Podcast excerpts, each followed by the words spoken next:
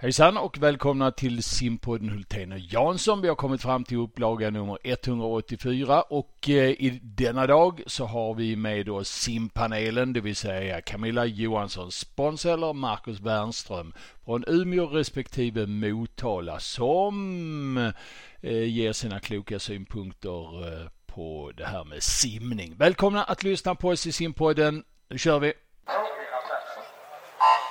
Nu ska vi snacka simning. Ja, om de gör det bättre, det vet jag inte, men de gör det oftare. Det är omänskligt. Ja, men det gör vi Bosse, vi trummar på. Simpodden, Hultén och Jansson. Sommarens mästerskap, är det någonting att snacka om Camilla sa du? Ja, jag tycker ju det. Ja. Ehm, det är ju väldigt Ja. tuffa tider just nu. Men eh, jag kan väl ändå tycka att det har blivit väldigt, väldigt rörigt nu till sommaren. Mm. Berätta Eh, för oss, oss som inte, Som inte är så insatta. Så nej, som inte förstår. Nej, på grund av eh, covid-pandemin så har vi ju inte haft några mästerskap sen Ja, det sista var ju faktiskt här i Umeå, eh, vilket var Sumsim Riks eh, för våra ungdomar. Mm. Och sen så blir vi allting inställt och i fjol så hade vi ett riksmästerskap som gick på olika ställen runt om i Sverige. Och det var så man löste mästerskapsfrågan. Eh, sen under hösten så har man ju hoppats att man skulle kunna komma igång med mästerskapen men det blev på väldigt kort varsel inställt alltihopa. Och sen var väl förhoppningen då till sommaren åtminstone, nu måste vi komma igång med mästerskap. Eh, men även det blev ju, ja, inte som, som man hade tänkt. Eh, och nu är det väl en tre, fyra veckor sedan som vi hade ett samtal med Svenska simförbundet där de bjöd in alla verksamhetschefer och tränare i Sverige. Där de förklarade hur de hade tänkt inför sommaren. Eh, och då fick vi ju besked att, eh, att SM-veckan i Halmstad skulle bli inställd och därför ställde man in SM i Halmstad. Eh, och att SimSim i för de yngre i uh, Sundsvall skulle bli inställt. Men att man inte riktigt visste vad som hända med Kungsbacka. Sumsimmet som är då för de som var äldst i fjol och äldst i år. Och förklara inte det, det är så rörigt så jag blir alldeles trött. Ja. Eh, det, det är ett extra mästerskap som bara kommer finnas i år. Eh, och, ehm, och sen har man ju även öppet vatten-SM som man inte riktigt verkar ha tänkt så mycket kring. Men eh, det är då den 14-15 augusti i Stockholm. Eh, och det som hände, hände sen, det var ju att bara ett par veckor senare så helt plötsligt hipp happ som happ så hade ju rekommendationerna ändrats och eh, helt plötsligt var ju då eh, i Halmstad back on med ursprungsdatumen. För då hade man ju sagt på det här mötet att man funderar på att ha ett mästerskap i augusti där alla mästerskapen skulle i princip inrymmas under en viss tidsperiod. Eh, och så var det många som efterfrågade en enkät. Kan vi kolla vad man vill i Sverige? Och då skickade man ut enkäten. Och det har väl inte riktigt varit klart vad, vad enkäten sa egentligen. Jag har fått lite olika bud. En del har sagt att ja, en majoritet ville inte ha eh, mästerskap i augusti. Men andra har jag fått höra att det var en majoritet som ville ha mästerskapen i augusti men det var några storklubbar som motsatte sig och därför ville man inte lägga mästerskapen där. Eh, för då var ju tanken att man skulle flytta alla mästerskap till vecka 32 precis när man har öppet vatten-SM. Så då blir det liksom lite fram och tillbaka där. Och det enda man kom överens om det var väl att alla var väldigt oense om hur sommarens mästerskap skulle se ut. Alla hade olika idéer eh, och olika syn på, på det här. Ehm, och det blev då lite överraskande helt plötsligt att en Halmstad SM var tillbaka. Det som man sagt liksom att det här kommer verkligen inte komma. Eh, så då fick man liksom boka om allting. Eh, och eh, en stor sak som har varit där det är ju att den, det är ganska dyra rum och sådär. Just på JSM SM i Halmstad. Eh, så det är stor kostnad för föreningarna eh, att åka dit. Eh, men vi är ju självklart tacksamma för att simmarna får ett mästerskap. Det, det, det vill vi ju i person. Eh, men det blir någon så här konstig halvbubbla för att det är ju liksom fyra olika hotell och, och sådana saker. Och det gäller bara där i Halmstad. Medan i Kungsbacka så har man ingen bubbla som går då ett par veckor senare. På det här andra mästerskapet som då kommer att gå för de äldre. Och som Simsim yngre, det kommer inte kunna gå helt enkelt. För att smittläget i Sundsvall är för högt och dessutom så har man inte fått tillåtelse av kommunen där att eh, genomföra mästerskapet. Så det har, det har blivit väldigt rörigt och, och det enda man kan säga om det här det är väl att jag hade nog önskat att man hade lite reservplaner tidigare. Så att om det här händer, då går vi till plan B som är bla bla bla. Och händer det här så går vi till plan C som är det här. Och, och det känns lite grann som att man, man reagerar mest till nyheter. Och sen gör man beslut som sker väldigt snabbt som jag inte riktigt vet heller om de är förankrade, är de förankrade hela vägen i styrelsen eller är det några få som tar besluten? Eh, och så kommer det mycket i efterhand och så ändras det och så förutsättningarna, det, det liksom skiftar hela tiden. Så det känns lite svårt för oss som är ute i förenings-Sverige att eh, vågar vi lita på nu att det blir mästerskap? Eh, kommer någonting ändras igen? Eh, och mest synd tycker jag ju liksom att det är om simmarna som, som hela tiden får se sina planer omkullkastade. Och jag förstår ju verkligen, det här är ju pandemin som ställer till mycket. Men man kan ju vara lite mer om sig och kring sig, kan jag tycka, från Svenska simförbundet i det här läget som vi ändå varit i ett och ett halvt år. För det har ju varit en konstant. Eh, och ha lite reservplaner, det, det tycker jag att man, man hade kunnat kanske jobba på lite grann. Tycker du det också, Marcus? Eh, ja, absolut. Eh, jag tycker man kunde ha startat processen med kommunikationen ut i Simmar-Sverige tidigare. Eh, och det, det, jag tycker det här är jättesvårt. Det, det är lätt att sitta på läktaren och, och tycka och den biten. Va? Men en annan sak att vara ytterst ansvarig för att Eh, göra de här samlingarna som är då rikssamlingar.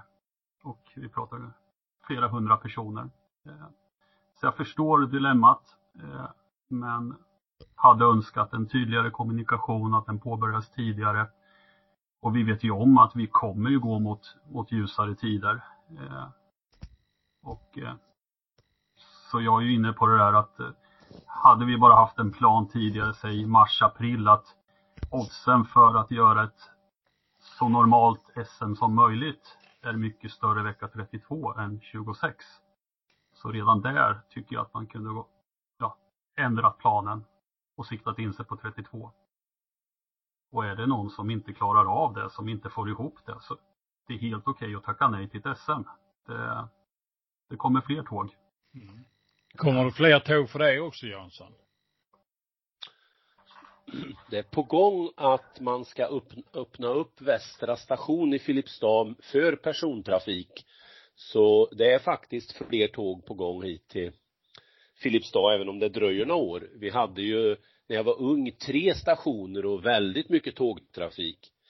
Eh, jag har skrivit ner några saker när jag har lyssnat på er här och, och då skriver jag först en, en övergripande sak. Och då använder jag ordet lite panik. Eh, här i Filipstad har vi genom åren haft, ja i snart 40 års tid haft olika sommaraktiviteter som ju då förra året blev inställda på grund av pandemin. Och i år tog man väldigt tidigt beslut att ställa in, alltså lite paniktidigt utan att se eh, vad kommer att hända i vår etc. Vilka ledtider är faktiskt realistiska? Vad skulle vi kunna gjort? Och så står vi här idag och skulle kunna konstatera att de flesta av de aktiviteter hade man kunnat genomfört i sommar. Alltså man var för snabb på bollen och var lite panikartad. Det kan överföras också, tycker jag, på eh, förbundets sätt att jobba i sådana här frågor. Man är lite för snabb. Lägger man sen till eh, ordet eh, reaktionspolitik Camilla uttryckte ju lite det ordet, vilket jag tror stämmer väldigt väl, att man reagerar på att någon tycker något och då, då står man inte kvar och håller fast hur man har tänkt. Eller kanske inte har fullt ut tänkt ut tanken från början. Vad vill vi? Och ska man då använda sig av en reaktionspolitik eh, och lyssnar då på påtryckningar mycket och samtidigt skickar ut en enkät som inte är transparent. Det är klart att man skulle ha sett alla klubbarnas svar självklart att vi skulle kunna hitta och se att jaha, så här tyckte Norrköping, så här tyckte eh, Motala så här tyckte Filipstad etc. etc. Då hade vi haft ett gemensamt underlag eh, i det här fallet. Men grundproblemet skulle jag vilja sammanfatta är att man törs inte ta ut kursen och sätta ner foten och säga så här gör vi oavsett vad de här eh, Facebook-terroristerna håller på med. Oj, det var allvarliga ord. Facebook-terrorister. Det är nästan som man går i barndom tänkte jag säga. Uh, det blir en bra punkt på min mening. Ja, det är bra. Det var en sån här uh, P3-överlämning till Camilla. Fick du, fick du vatten på din kvar nu Camilla eller? Ja, till viss del. Alltså det, det är ju, det är ju precis som ni säger, både Marcus och Thomas, att eh, vi som sitter i verksamheterna upplever det lite grann som panikartat och reaktivt. Och det gör det vårt arbete ganska svårt att planera framöver. Och jag förstår ju verkligen att det är supersvår sitt som Svenska simförbundet har i det här. Eh, det, det är ju um, det är ju inte lätt alls och eh, även för dem så ändras ju buden hela tiden för Folkhälsomyndigheten och sådana saker. Så att jag förstår ju att det ett visst mått av reaktivitet måste ju finnas. Så har det ju varit för, för oss alla under hela tiden.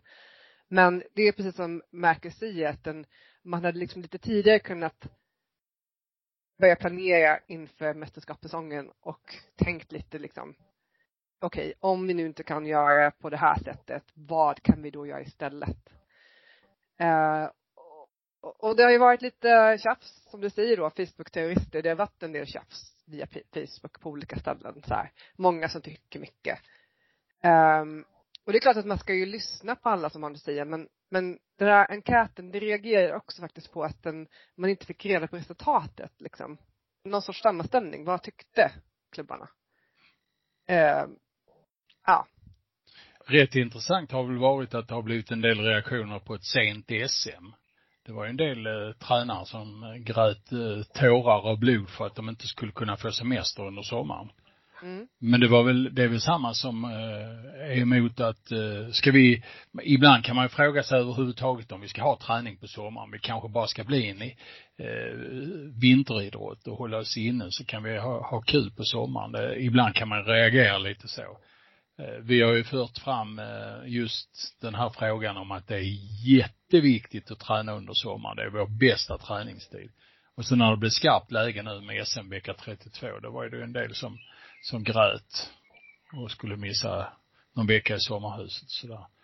Men eh, summa summarum, är det bra nu att det blir i, om, om vi glömmer alla eh, undersökningar och transparens från simförbundet och höjda kostnader på eh, hotell och sånt. Är det bra att det blir ett SM eh, i eh, månadsskiftet juni-juli, Marcus? Ja, jag har ju kommit dit att jag jag är väldigt tacksam för att nu, nu kan vi göra en sommarplan och eh, så här blev det. Eh, min kritik ligger ju i vägen fram till hur man landade. Men eh, nu har man ju landat i ett SMISM och det här bonus-sumsimmet eh, nådde inte hela vägen fram till sumsim yngre och eh, det är ju beklagligt.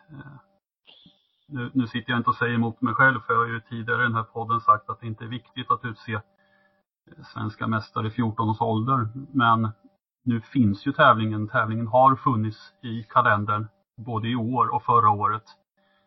Och man kan väga in kortbanemästerskapet också i höstas. Va? Så den här kategorin har ju missat tre stycken mästerskap. Man har ställt fram godisskålen tre gånger och ryckt den framför näsan. Så på så sätt så är det olyckligt. Eh, och ja, vad var jag tänkte säga? eh, jag, jag, tycker det är jättesynd att, att de här unga tjejerna och killarna som, eh, som har det jobbigt säkert i sina val hur de ska satsa vidare eh, inte får något mästerskap i år. Eftersom det är det som har funnits i, i deras tankar. Mm. Man, man, saknar ju ingenting som inte finns. Men, Nej. Mm. Vad säger du Jansson, är du nöjd så här? Är det bra? Det är jättebra att det blir ett SM och att man kom till någon form av, det är självklart att det är det. Det är eh, livsviktigt på ett vis för vår idrott. Ska vi fortsätta med det här eh, ämnet som vi har haft uppe med säsongsplanering eh, och lite annat smått och gott. Vi skickade ju in en eh, motion till simförbundets och frågan är, har de fått den? Har de märkt att de har fått den? Har vi fått svar? Hur har det fungerat?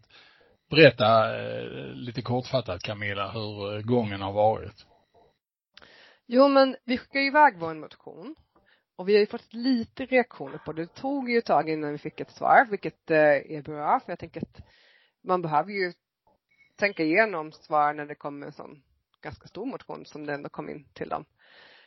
Um, och delar av vår motion har man ju börjat jobba på, som till exempel det här med eh, barn och ungdomstävlande för 12 och yngre och det var ju redan i rullning innan vår motion.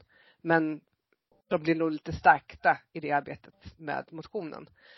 Eh, och den här delen med lag-SM, eh, det har man också satt upp en liten grupp som vi har träffats med några gånger och diskuterat ett sätt att göra en ett lag-SM-tävling. Och det känns ju väldigt positivt. Eh, vi fick ett svar från Ulrika Sandmark. Eh, kändes kanske lite defensivt, kan jag tycka, svaret. Eh, och, och, det var mycket om processen, hur de har kommit fram till sin säsongsplanering, vilken säkert var gedigen. Men man har ju liksom ännu inte kommit fram till något nytt. Och det är väl mest det som vi vänder oss mot. Eh, att det är same same hela tiden. Eh, och att det just nu inte utvecklar idrotten särskilt mycket. Så sen har vi inte hört så mycket om, om själva huvudidéerna i vår motion. Det har ju varit väldigt tyst om, kan jag tycka. Mm. Jansson, känner du att vi har fått en officiell respons? Eh, jo men absolut. Absolut, och det är ju bara att intyga det, det Camilla beskriver. Eh, sen tror jag det är väldigt viktigt om vi tittar i ett längre perspektiv att en sån här fråga inte bara sköts utav eh, tränar, tränare runt om i landet. Den behöver lyftas högre upp. Därför så är det viktigt tycker jag att eh, vi ligger på och att den här motionen blir en skarp motion och behandlas på årsmötet nästa år. Så att den diskuteras i ett bredare forum. Och då är det ju jättebra om vissa bitar redan är på väg och så får man chans att lyfta och fokusera på de andra bitarna för att om jag skulle göra en, en lista på eh, saker som är olyckliga beslut eller inriktningar som har skett under 30 års tid i, i eh, simförbundet så är ju delar av det med i den här så att jag, jag hoppas verkligen inte att motionen sopas bort fram till årsmötet nästa år. Mm. Ja, det finns anledning för oss att, att äh, återkomma till det här ständigt naturligtvis. För att se vad som händer. Eh, Europamästerskapen i simning eh, gick ju för ett litet tag sedan Eh, en del simmar fick eh, veckan efter brev på posten att de var klara för OS. Några lite väl sent tyckte vi kanske, men nu, nu är de med i alla fall. Eh, så här efteråt, har vi mer att säga om EM? Marcus, du eh, lyssnade och, och, tittade på eh, den här utvärderingen som eh, Thomas och jag ägnar oss åt i, i podden bland annat. Ehm, tycker du att eh, utfallet blev som du hade förväntat dig? Eh, oj. ja, ja, det var en stor, stor fråga. det var en stor fråga, ja. ja. ja. men det stämmer. Jag lyssnade på era, er sammanfattning och utvärdering eh, på podden där precis efter EM och jag tyckte att den var eh, riktigt bra, riktigt skarp. Eh, och, eh, ska man sammanfatta den så, så handlar det om att att det var ett svårt mästerskap att utvärdera. Eh, vilket är ett EM-år. Vilka har gått toppade? Har alla länder skickat sina bästa? hit och dit va. Men oavsett det så blev jag ju väldigt glad över att eh, det var så pass många simmare som, som tog chansen i det här läget att lyfta sig och lyfta sig i nivå. Vi fick ju tre nya internationella medaljörer på långbana. Eh, och eh, ja, det är kul att man passar på. Man måste ju liksom ha ett insteg någon gång om man vill ta sig hela vägen. Och eh, det här var ett, ett bra EM att göra det på. Eh, det jag blir nyfiken på det är ju vad är det som gör de här tre personerna till EM-medaljörer just i år? Eh, skulle vi gå ner på detaljnivå och titta vad de gör i vardagen, vad de gör i träningsbassängen så skulle det vara vitt skilt va? med volym de tränar, intensitet och frekvens, hur ofta de tränar. Eh, det som är intressant är, det tror jag att de har väldigt många gemensamma nämnare i hur de är, vilka val de gör. Eh, jag vet ju att de här tre systrarna Hansson och Erik, det är ju tre otroligt ödmjuka personer och snälla personer. Eh, det går att vara snäll och simma fort och ta medaljer. Det är många som inte kan göra skillnad på vinnarskalle och att man är lite, lite tjurig. Eh, man kan vara världens snällaste och gå hela vägen. Eh, det är de här tre personerna jätte, jättebra exempel på. Och man kan fylla på med, med Robin Hansson och, och flera simmare där. Det är fantastiska människor. Sen det här med bra val i vardagen, det är ju att de har ju satt sig i, i bra miljöer. Och eh, de har valt bra miljöer. Har inte bara kört på. Det är bara att titta på en sån detalj som att lilla syster Sofie har ju inte gått i, i stora systers fotspår utan valde en annan skola i, i college till exempel. Det, det tycker jag är häftigt. Eh, och lite har... modigt också kan jag ja, tycka. Verkligen. På något sätt.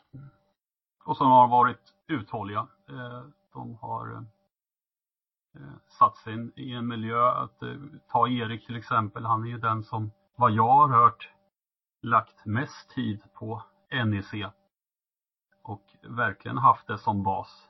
Och gjorde det fullt ut. Medan andra simmare har mer kommit och gått han gjorde det programmet fullt ut och så fyllde han på. Han gjorde någon eh, krydda sin vardag där med någon Australienresa tror jag. Men verkligen fullt ut och sen nu har han ju då Eh, efter de åren, vad det nu blev, fyra, fem år, eh, sökt sig till en ny stimulerande miljö. Eh, så de har varit uthålliga och verkligen tänkt till med vart de har lagt tiden innan du Jansson kommer in så måste jag, jag måste ge lite uttryck för eh, lite av det du säger här. Louise Hansson som för tio år sedan eh, Eh, vi pekade på när hon vann massor med SM-guld eh, samtidigt att eh, hon är ju bättre än Sara Sjöström ganska snart. Och sen har det varit lite stamp i vrån i farstun här när, när det gäller att ta sig in och, och simma fort på de stora internationella mästerskapen. En lysande NCTOS-karriär. Men så vid 25 års ålder tar man sin första individuella långbane-EM-medalj. Jag tycker det är det är bra att ha den uthålligheten, absolut. Men det är klart en bra miljö, en bra familj och en bra omgivning där, det borgar för det. Jansson, har du utvärderat mer det här med EM? Du, du eh, var ju rätt på det innan. Har, har det ramlat ner nya tankar? Nej, men med, om man använder den ingången som Marcus nu hade, vad det är lite som förenar och så, så eh, blir jag att tänka på lite hur de hanterade intervjuerna under EM. Jag har ju tillhört eh, även tillsammans med dig Bosse när vi har tyckt ibland att en del intervjuer eh, blir vi förlorare på i simningen för det har varit lite flamsigt och lite sådär tramsigt, det har inte verkat vuxet men eh, med undantag av en av lagkappsintervjuerna som var lite sånt va, man och med viss förståelse för glädje och så va, så tyckte jag att det var ett eh, ganska bra resonerande från flera av dem när de fick frågor. Och det, det gladde mig och det kan jag tänka mig är en, en förenande faktor att man kan se på sin egen idrott. De, de har ju ändå kommit en bit på väg här åldersmässigt. De har passerat den där 20-årspuckeln, de börjar få lite olika perspektiv. Eh, det gladde mig väldigt mycket och till den skaran kan man ju då lägga Robin till exempel som, som ju hanterade också en, en, det kanske vi skruvade upp förväntningarna lite för mycket inför den här finalen på 200 frisim efter hans fina försök och semifinal. Eh, och, och han föll ju inte på något vis igenom men hade en, en ett väldigt balanserat sätt att uttrycka sig till media. Och det tror jag är en styrka försöka att jobba på att klara av att se sig själv i det här sammanhanget.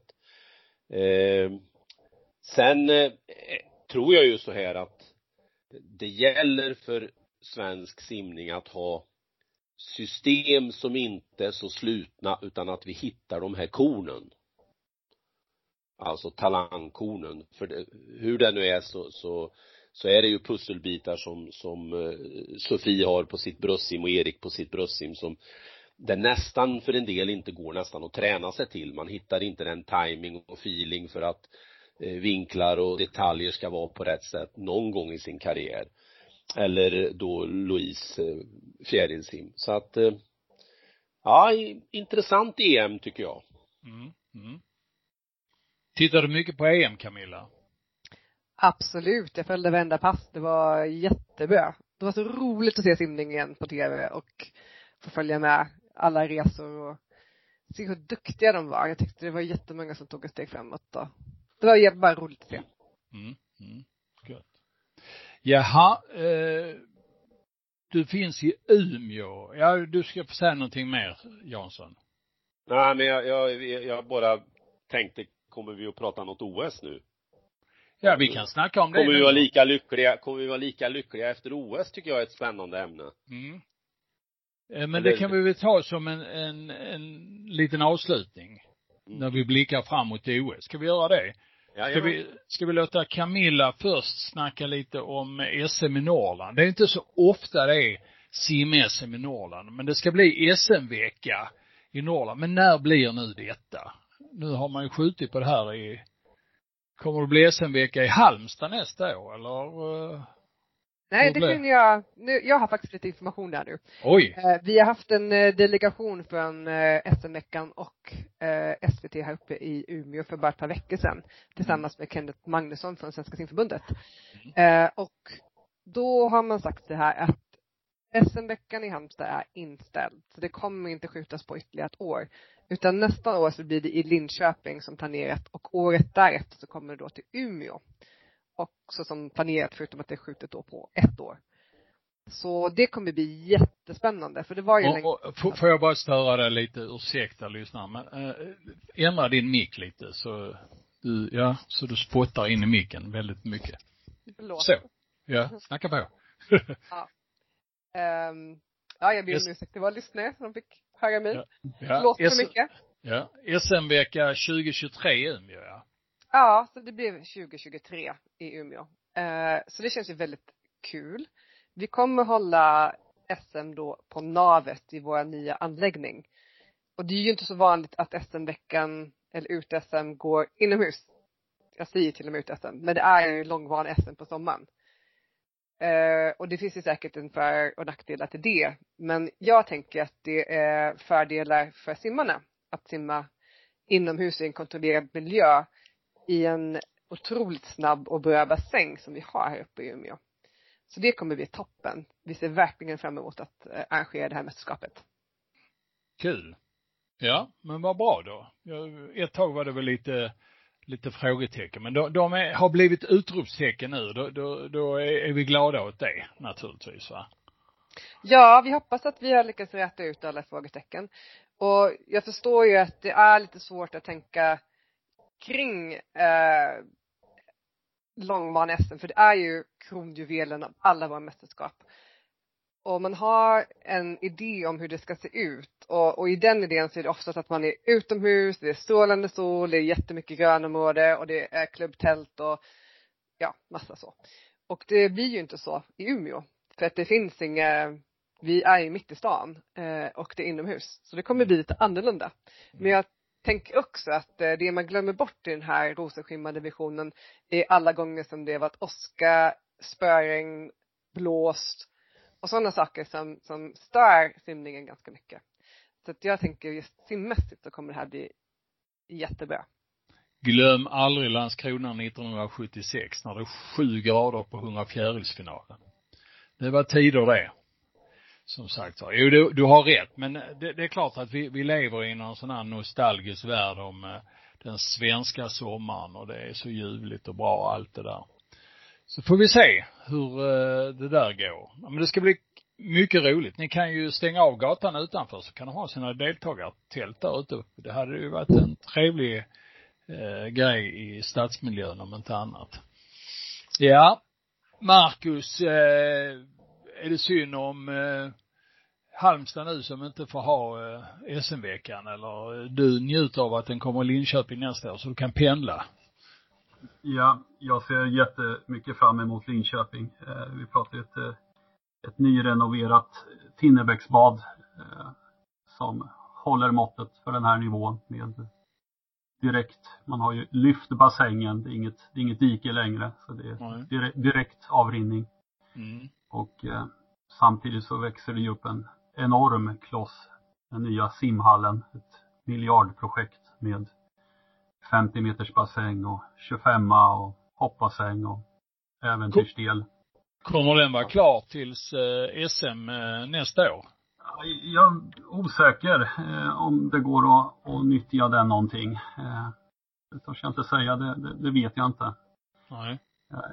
Men däremot så den här berömda badsjön som de kallar det inne på Tinnis, den kommer nog säkert inte vara vattenfylld utan där kommer det finnas då mark till att Jaha, man ska fylla igen hela badsjön alltså?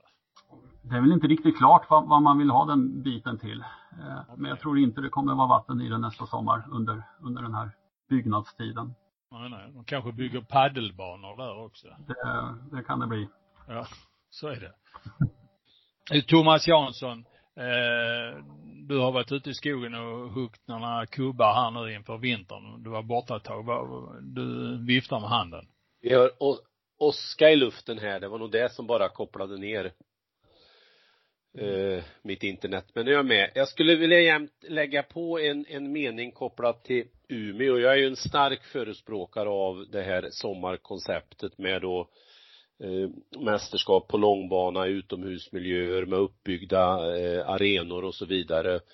Eh, men i valet mellan att inte det skulle bli ett, ett svenskt mästerskap uppe i Umeå på grund av att det går inomhus så alla dagar i veckan så är det oerhört viktigt att vi sprider mästerskap runt om i landet. Hellre tumma på bassängbredd eller så vidare så att det blir många orter som kan arrangera mästerskap. Det tror jag är den bästa och mest lönsamma investering vi kan göra för svensk simning. Så jag hoppas att jag kommer till Umeå nästa sommar. Mm. Man hoppas ju att det, eh, det blir ännu fler eh, arrangörer som, som vill ta, ta på sig sådana här grejer. Jag, jag kan tycka att eh, eh det är lite synd att vi styrs av SM-veckan, för SM-veckan styr ju till en viss typ av kommuner. Jag skulle ju gärna vilja se simmästerskapen på kanske lite andra ställen också. Inte bara Eh, de här stora orterna som kan svälja hela SM-veckan, även om jag gillar konceptet också. Ja, eh, Motala, nyrenoverat bad. Det hade inte varit fel att ha ett SM där nere vid Vättern va? Nej.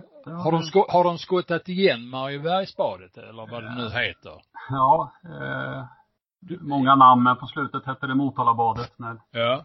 när simklubben och triathlonklubben driftade. Men, du, eh, du har inget uppdaterat foto från i år där man kan se växtligheten och björkarna växa ja. på botten och sånt där. Det hade varit kul att se. Ja, nej men det, det är inte kul att se. Nej, men eh, intressant skulle jag vilja ja. säga. Ja, så är det. Ja, det är häftigt hur, om man ser det så, hur, hur naturen kan ta över. Det är rena Tjernobyl på, på badet nu. Men eh, snart så slipper vi att, att se det. Mm. Eh, det, det ska jämnas med marken och eh, ja, framtiden ser ljust ut med även ett nytt bad i, i Motala. Ja.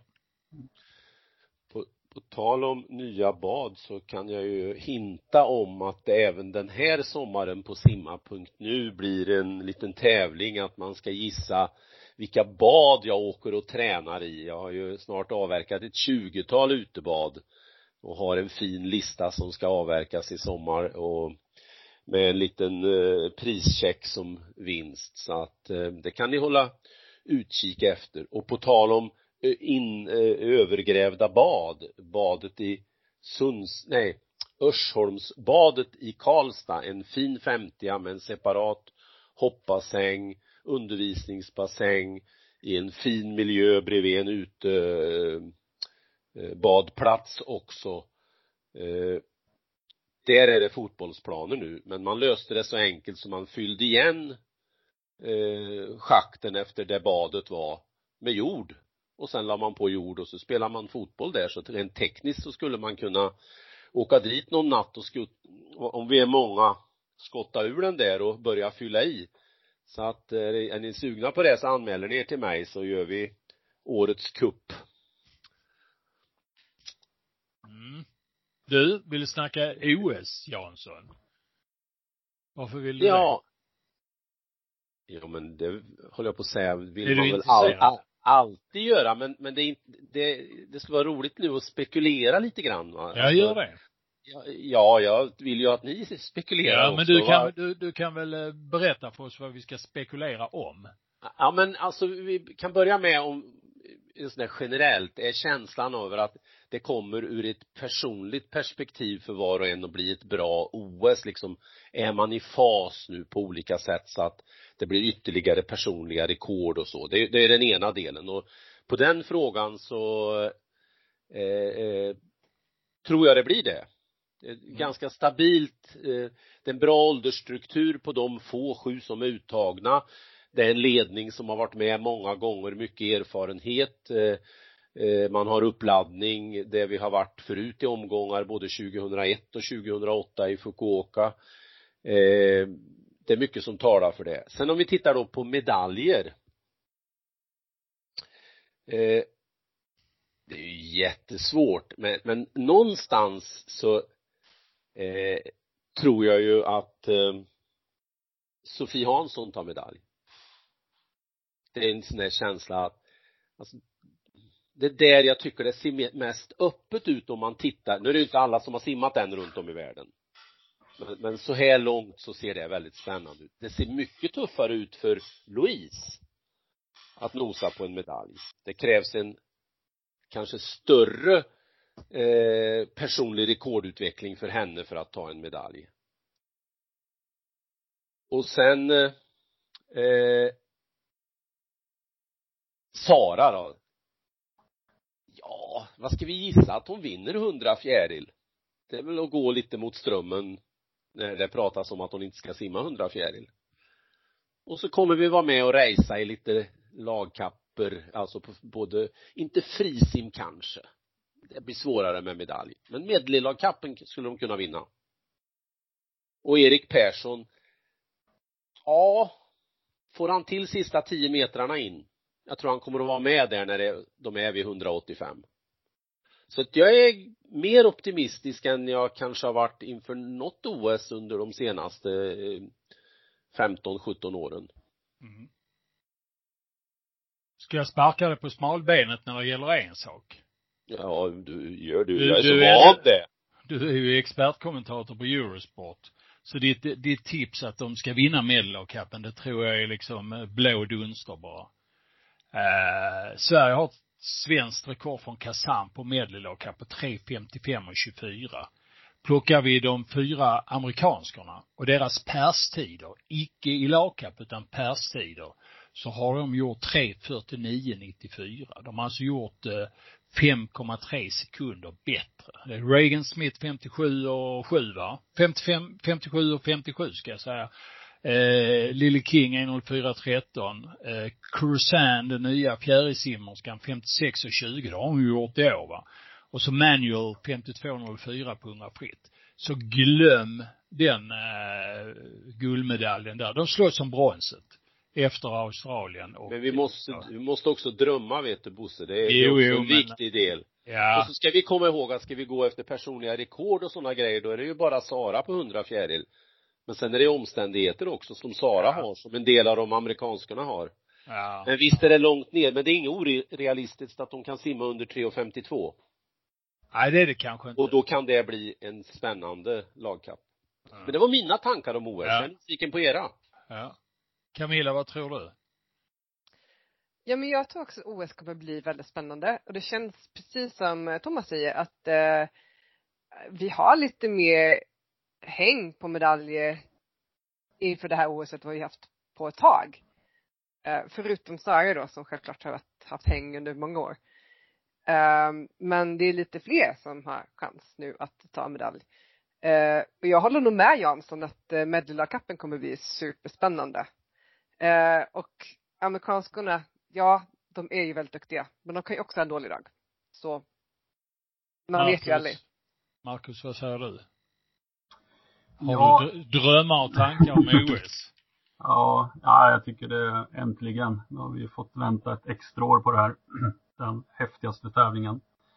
Och eh, det blir intressant för nu är det ju bara tre år till nästa och som, som ni var inne på, många, många unga som fortfarande är under utveckling. Och kan de få bra svar här och, och, och nosa på finaler och den biten, ja, men då kan det bli riktigt häftigt 2024. Eh, jag tror också, jag tror på två medaljer. Jag tror tyvärr inte att det, det håller till guld i 4x100 medley. Som sagt var, vi behöver vara med bättre första. Vi tappar ju kanske en sekund på, på ryggsimmet. Även om vår ryggsimmare gör det väldigt bra så, så blir det lite bakvatten och vi kanske inte har eh, riktigt nivån. Alltså hade vi vetat att som Sara hade varit där hon kan vara, ja, då går det att simma kapp. Eh, men i år kan det bli tufft. Eh, och så tror jag mycket på Sofie där att hon, eh, hon har längden och kan sträcka på slutet. Jag ser framför mig en, en linje av bröstsimmare som kommer då i, i olika takt men Sofie hon får fram eh, fingertopparna där och kniper en medalj, en bronsmedalj.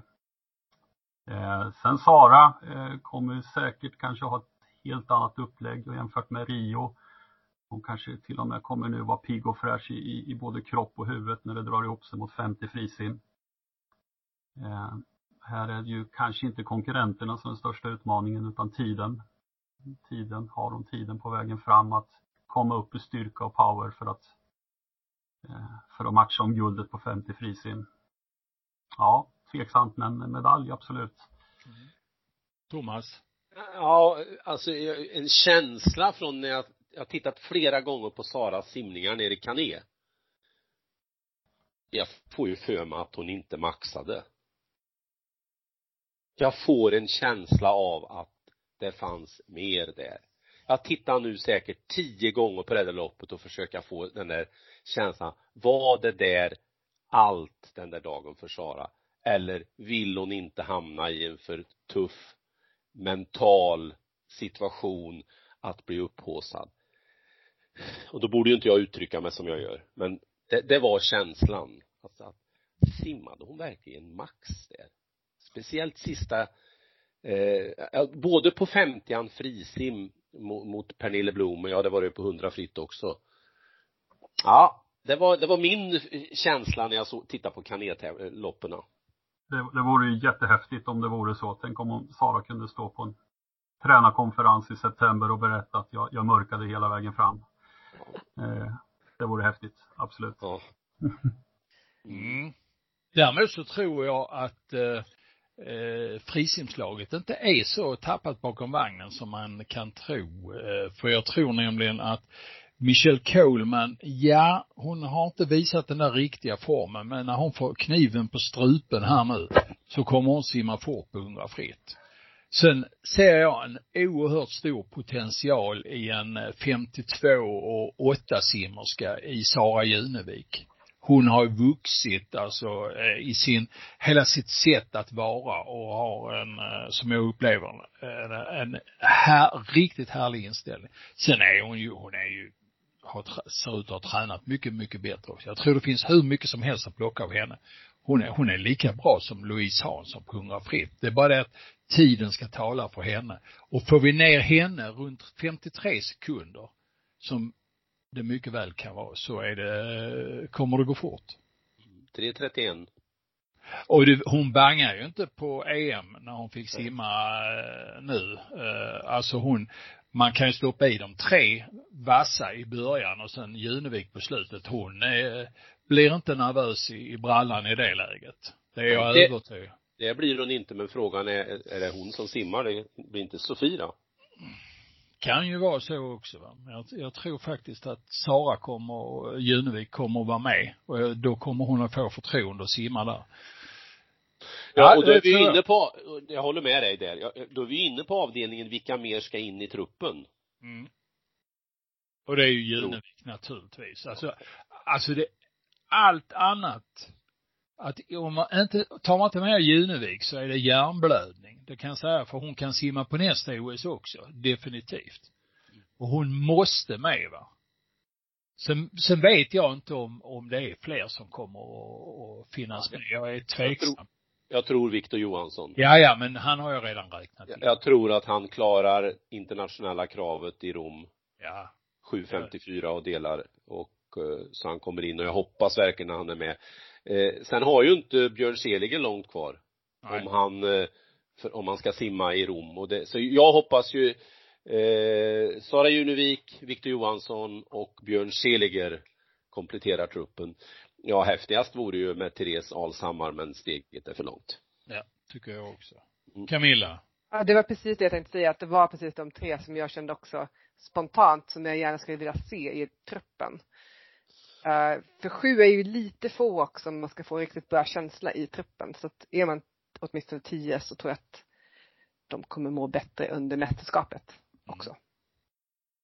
Och det finns ingen annan mer att plocka ut? Överhuvudtaget? De andra har nog lite för långt kvar än. Men det kan ju bli så, så att Sveriges 4 gånger 100 lag på herrar får en inbjudan. Ja, det skulle vara De jättehäftigt. är ju, var väl 17 när du kollade senast va Bosse? Ja. Ja. Och tackar då någon nej, det ska ju vara 16 där, då kommer de få en inbjudan. Då har ju, då har ju Sveriges Olympiska Kommitté en spännande sak att fundera på. Ska vi satsa framåt eller ska vi vara regelryttare? Mm. Då är de regelryttare. Då kan de ta med fyra covid-sjuka fotbollsspelare istället. Nej men om nu Nej. Robin är inne och Björn klarar de där hundradelarna, eh, då är det ju bara två man till som ska med. Mm. Mm. Mm. Men har inte inbjudan redan gått ut till lagkapparna? För att visst var det en kontrovers kring Irland och Grekland? Visst var det 4 gånger 100 medley? Mm, Det var något sånt där. Jag kan Ja. inte det riktigt. Men det, det står på Swimswam. Ja. Ja, Man läser precis. in sig. Där, där är långa listor på alla. Ja, och då var det ju så att den, på EM så hade ju Irland klarat 16 platsen. Eh, men så visade det sig att det varit någon tävling i Grekland där de faktiskt har, de har spelat in det, det fanns en tv-inspelning från det. Där grekiska laget var en hundradel snabbare än irländska laget. Oj, Så oj, nu har det blivit lite så här kontrovers då för att irländska laget har redan fått inbjudan. Och, och hur gör man nu? Har det liksom gå- gått tillbaka? Går det vidare till Grekland? Och ja. Så, så där är, är de nu. Men- Men fortfarande kan det ju tillkomma att något annat, någon annan nation hoppar av 4 gånger 100 medley.